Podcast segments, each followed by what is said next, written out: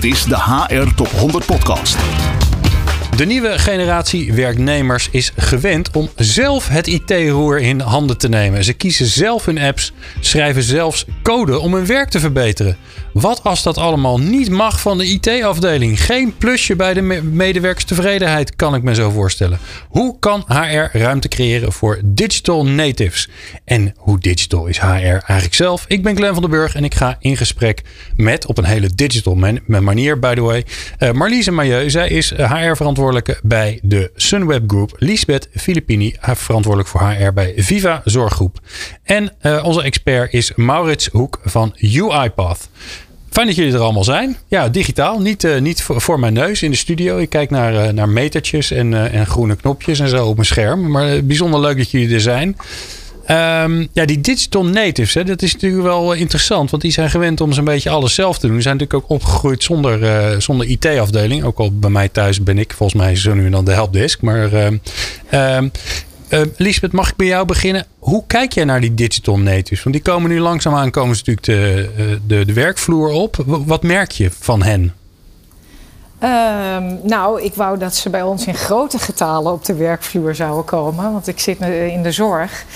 Uh, en de helft van de huidige populatie in de zorg heeft niet echt actuele kennis van computers en dergelijke, of is niet echt bijgeschoold. Dat zijn de algemene cijfers uh, Nederland breed. Um, dus bij ons zijn ze hartstikke welkom. En um, ik denk dat we ook in een iets andere omgeving zitten. Want we werken natuurlijk met een aantal gestandaardiseerde uh, applicaties um, en nou ja, computers, zoals het uh, elektronisch cliëntendossier.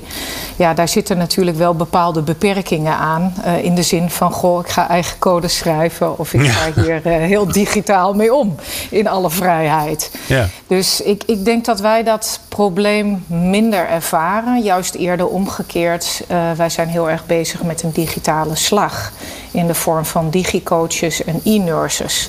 Dus wij, wij proberen zoveel mogelijk ruimte te creëren voor uh, digitale opties. En hoe kan het beter en hoe kan het anders? Oké, okay, nou, dan gaan we zo naar de digicoaches en de digi-nurses. Want ik ben natuurlijk ongelooflijk benieuwd wat het is. Eerst even naar Marliese Mailleu van Sunweb Group. Die digital natives, die komen bij jullie natuurlijk ook binnen. Wat, wat merk je dat er anders is bij hen? Ja, die komen zeker binnen. Die verwelkomen we ook, uh, ook graag. Uh, aan de andere kant uh, wil je er altijd nog wel meer van en ben je in transformatie. Maar wat we merken is dat dat mensen zijn die inderdaad hun eigen tools kiezen. Heel makkelijk hun eigen processen vormen. En, um, en applicaties, apps en dat soort systemen gebruiken om hun werk gewoon gemakkelijker te maken. En dat is natuurlijk aan de ene kant uh, geweldig en dat moet je zeker ondersteunen. En aan de andere kant ligt er ook de vraag: um, hè, hoe, hoe, hou je het wel behapbaar? En ook in termen van uh, je IT-afdeling en je security, hoe kun je dat gewoon goed verbinden? Ja, want, oh, hoe doe je dat dan? Want dat is de, precies de vraag die ik, die, ik, die ik al bedacht had. Ja, aan de ene kant wil je natuurlijk uh, zorgen voor regelruimte. Hè? Ze, zijn gewend, wij allemaal ondertussen, maar zij zeker.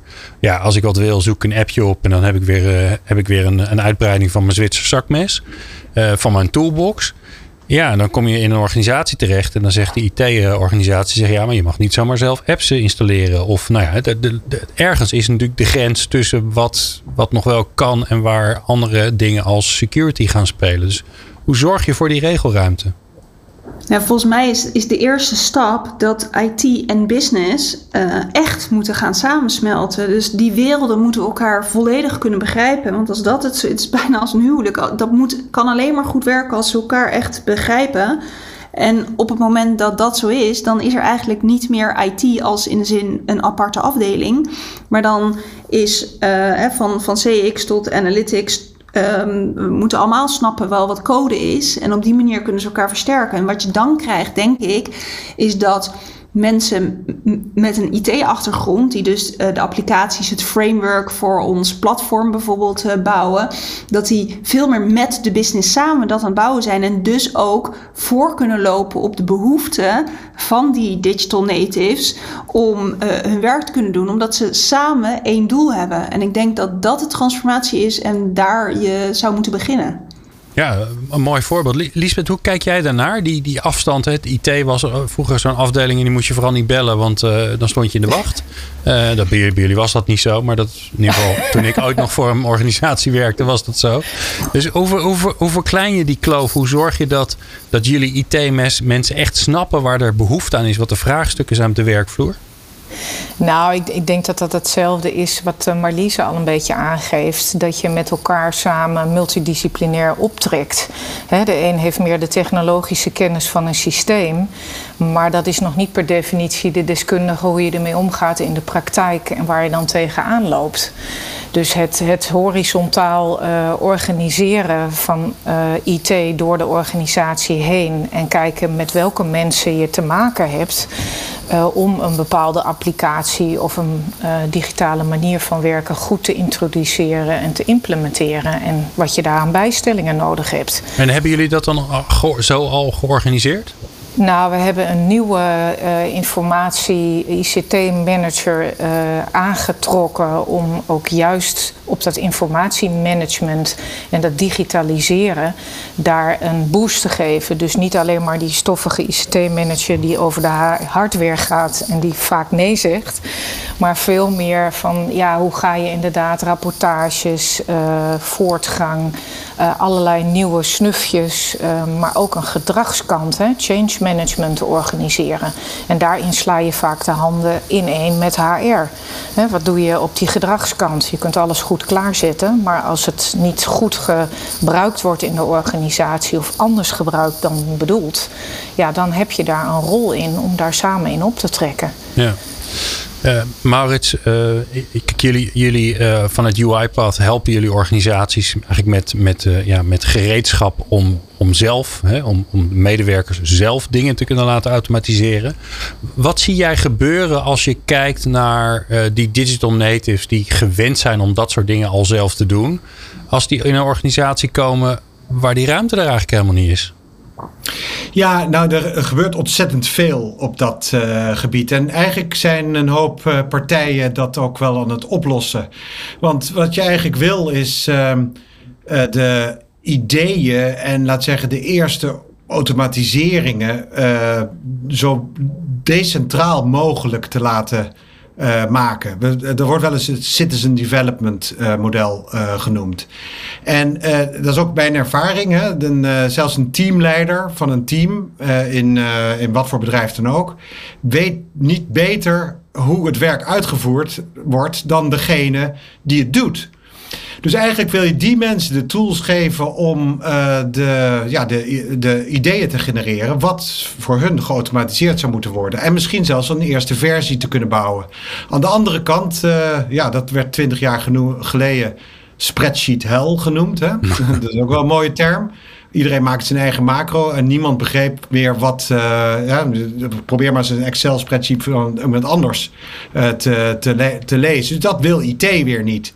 Dus eigenlijk, uh, wij leveren daar ook dan de, de tools voor, voor om dan dus wel decentraal de ideeën te genereren, maar dat vervolgens centraal met IT samen te laten, uh, of dat zeggen, uit te ontwikkelen. Ja. En dat allemaal met een low-code, no-code platform, zodat het heel snel gaat. Dus dat is eigenlijk een soort oplossing. En zelfs in de zorgbranche. En dat moet ik zeggen, dat, het, dat, die, dat, die loopt niet helemaal voor, moet ik eerlijk, eerlijk zeggen. Maar we hebben wel een ziekenhuis waar ongeveer 30.000 mensen werken, waarvan op bij 8000 mensen op hun work desktop, als het ware, een robot uh, werkt die een tiental, vijftiental taken uitvoert voor de zorgmedewerker. En zo dus uh, ja, uh, repeterende zaken overneemt. En, en dus, heb je een voorbeeld daarvan? Dus wat wordt er dan Uh, overgenomen? Nou ja, bijvoorbeeld met het patiëntendossier is het uh, heel bekend dat je kan daar op verschillende manieren dezelfde informatie kwijt. Zelfs in het commentaarveld kan je dat uh, zetten. Maar dan kan je er nooit meer op, iets op terugvinden. Ja. Terwijl een robot dat automa automatisch in de goede velden, in de verschillende systemen neer, neerzet. Dus eigenlijk die administratieve repeterende dingen uit handen neemt in de verschillende systemen. Terwijl de, ja, de, de zorgmedewerker zijn, zijn echte taak kan doen. Ja, nou Lisbeth, volgens mij is dat een van de grootste frustraties van de, de gemiddelde zorgmedewerker, verpleegkundige, helpende, verzorgende. Dat ze zoveel tijd kwijt zijn aan, uh, aan administratieve handelingen. Hè. De, schattingen lopen uiteen, hè, maar ik heb wel eens mensen horen zeggen dat ongeveer een derde van hun werk is. Nou ja, als je dat op deze manier op kan lossen, dan, dan, dan heb je ook een, weer een gedeelte van, jou, van jouw personeelstekort opgelost. Ja, ja, dat sowieso. Ik denk dat er qua digitalisatie een hoop te winnen is. Uh, het is soms nog wel de, de hardnekkigheid hè, in de praktijk met de verschillende zorgleefplannen die er zijn en de verschillende cliënten en de verschillende partijen die erbij betrokken zijn. In een ziekenhuis is dat natuurlijk onder de regie in het ziekenhuis. Ja. Maar wij werken natuurlijk met heel veel verschillende partijen, afhankelijk uh, of het in de woon- of wijkzorg is. En ook in de woonzorg heb je weer verschillende varianten waar soms ook weer huisartsen bij betrokken zijn. Dus dat is best complex. Uh, ja, wie dan wat doet. En je hebt natuurlijk ook nog een bepaalde wet en regelgeving daarin. Um, dus, dus je wil het zoveel mogelijk beperken. En de aandacht zoveel mogelijk naar de cliënt laten gaan. Maar ja, je moet wel ook wel weer zorgen dat de juiste dingen op de juiste plek gebeuren. En dan met zo min mogelijk uh, handelingen. Ja, je had het al even en, over de, de, de, digitale coach en de, en de digitale nurses. Uh, ja. uh, hoe helpen die daar dan bij? Ja, de DigiCoach die focust vooral op uh, het meer uh, digitale vaardigheden bijbrengen van, wat ik net al zei, uh, de populatie zorgmedewerkers. Uh, ja, je merkt toch dat daar soms niet op WhatsApp of een uh, smartphone een achterstand is van ja, hoe werk ik met al die devices? Hè? Je hebt ook domotica, je hebt uh, medicijndispensers, je hebt een hele beeldbellen, je hebt allerlei verschillende varianten en veel systemen. En hoe doet die DigiCoach dat dan?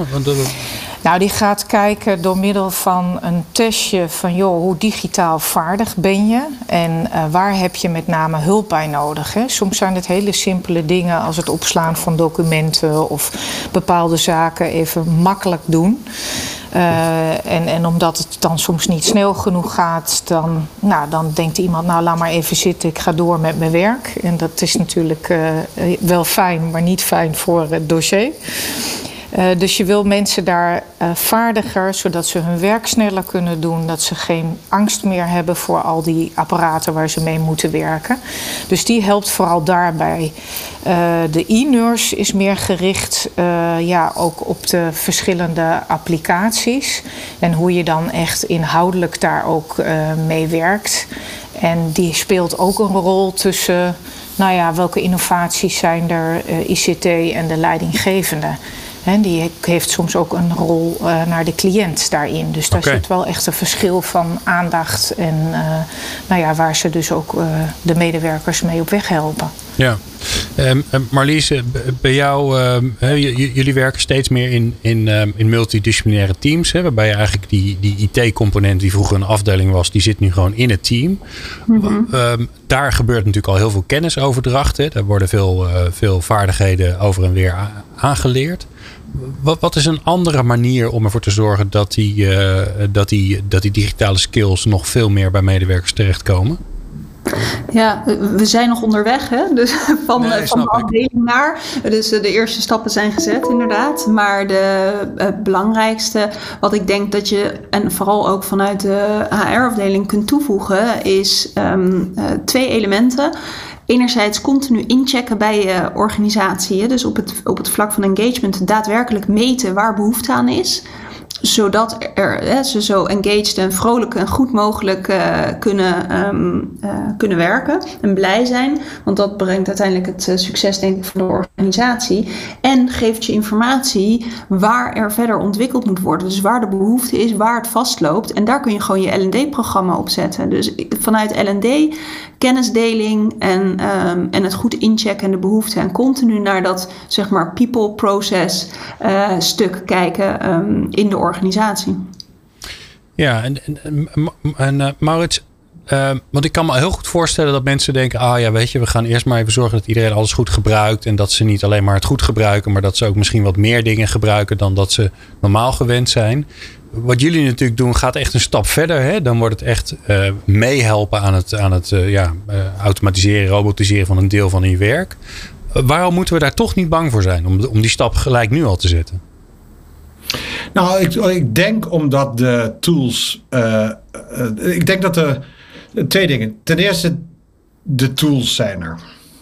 Uh, en dat is echt anders dan vijf jaar geleden. Dat praat niet over wat wij alleen maar op de markt brengen, maar de, de hele low-code, no-code revolutie maakt het een, een stuk eenvoudiger om dat decentraal te doen. Ehm, maar ten tweede, wat mij is opgevallen in uh, is dat we soms ook wel de, uh, ja, de, een, deel van de mensen uh, onderschatten hoeveel kennis ze toch eigenlijk wel hebben van, als het makkelijk genoeg is, hoeveel kennis ze hebben van uh, hoe, hoe, makkelijk ze eigenlijk in ons geval dan zelf een robot kunnen bouwen. Ja. Uh, we denken wel eens dat daarvoor moet je manager zijn. Maar het is juist uh, mensen bijvoorbeeld in een callcenter. Die worden heel erg happy als ze zelf een deel van hun werk kunnen robotiseren. Ja. En ik heb mensen gehad die zeiden van ik ga het vanavond in mijn eigen tijd doen. Ik hoop alleen dat mijn baas het niet stopt. Want dit is voor mij revolutionair. ja, dat is het dus. Dus, je, dus eigenlijk ruimte bieden. Uh, vooral niet tegenhouden. En, en daar waar er een vraag is om hulp, uh, een beetje helpen. Dan ben je al een heel eind, hoor ik je zeggen, Maurits. Maar ik wil wel, ik wil wel mijn respect voor de zorg, uh, Lisbeth. Ik, dat, dat, ik heb daar enorm respect voor. En ik weet, we hebben daar natuurlijk ook allemaal onze persoonlijke ervaringen mee. Ik weet dat, dat, dat de, het zorg leveren, dat dat, dat, dat, dat wel een, een, een skill en een vak op, op zich is. En dat dat niet noodzakelijk vermakkelijkt, vergemakkelijkt wordt met al de app, applicaties, wetgeving die eromheen is. Dus ik wil, ik wil het niet zeggen dat ik, als je begrijpt wat ik bedoel, dat ik, daar, dat, ik dat, dat, ik dat uh, uh, dat je het even allemaal oplost. Ja. was, was, was, het maar waar. Ik wou dat zeggen, dat zou Liesbeth nee. helemaal niet erg vinden volgens mij. Nee, nee, nee. Maar ik, ik denk dat er een enorme digitalisatieslag... Uh, en dat er ook echt enorm veel uh, achterstand is binnen de zorg... omdat de mensen zo betrokken zijn bij de cliënt en het zorgen zelf... En uh, de rest in die, is in dit soort organisaties ook uh, niet in de laatste plaats, omdat het zulke uitgeklede uh, organisaties zijn financieel, is, is heel erg op de achtergrond gekomen. En ik hoop dat we nu in een fase terechtkomen dat we ook in staat zijn om het werk van, want dat moet het doel zijn, het werk van de zorgmedewerkers te, makkelijker te maken dat ze uh, dat kunnen doen waar ze goed in zijn. En al die randvoorwaardelijke zaken die er niet per se altijd toe doen, maar die wel moeten van het systeem, uh, dat dat uh, iets minder, iets meer op de achtergrond komt, omdat ja. het voor een deel geautomatiseerd kan worden. Nou ja, en dat is natuurlijk de, de belofte altijd geweest van, van automatisering. Hè, dat we de dingen niet meer hoeven te doen die we eigenlijk niet zo leuk vinden of die we al 3000 keer gedaan hebben. Laten we hopen dat met, met de robotisering dat, dat daadwerkelijk zo, uh, zo ver gaat komen. Ik wil jullie bijzonder bedanken. Marliese Mailleu van uh, Sunweb Group. Lisbeth Filippini van uh, Viva Zorggroep. En Maurits Hoek van UiPath. En jij natuurlijk bedankt voor het luisteren naar de HR Top 100 podcast. We maken een hele reeks interviews met allemaal HR-verantwoordelijken. Meer luisteren kun je via jouw favoriete podcast-app. Als je zoekt op HR Top 100 zonder spaties vind je ze allemaal. Dit is de HR Top 100 podcast.